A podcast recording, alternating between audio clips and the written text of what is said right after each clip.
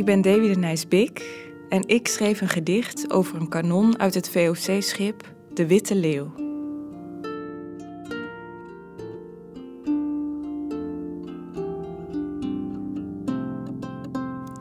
Mijn tragiek. Ik ben hier niet de boosdoener, ik ben maar een verlengstuk. Zoals ik en de mijne dat altijd zijn. Een destructief verlengstuk van de mens die constant meer wil. Van mij, van mij. Elke kogel die ik uitspoog was gemaakt van hebzucht.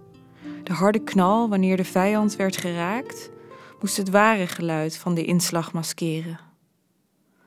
Want luisterde je beter, dan hoorde je een vals gelach. Zo'n heksenlach, krakerig en hoog als in de tekenfilms. Het stripfiguurtje steekt zijn wijsvinger in de lucht. De ogen samengeknepen. Ja, zijn snode plan heeft gewerkt. Al was er nooit echt een strategie tijdens die vuurgevechten op zee. Hooguit een aanvalsplan. Het was vooral een kwestie van iedereen die in de weg voer overhoop knallen. Kom maar door met die kruidnagelpeper en foelie. Maakt mij dit banaal? Dat ik er alleen was om het economische belang van mijn land te dienen?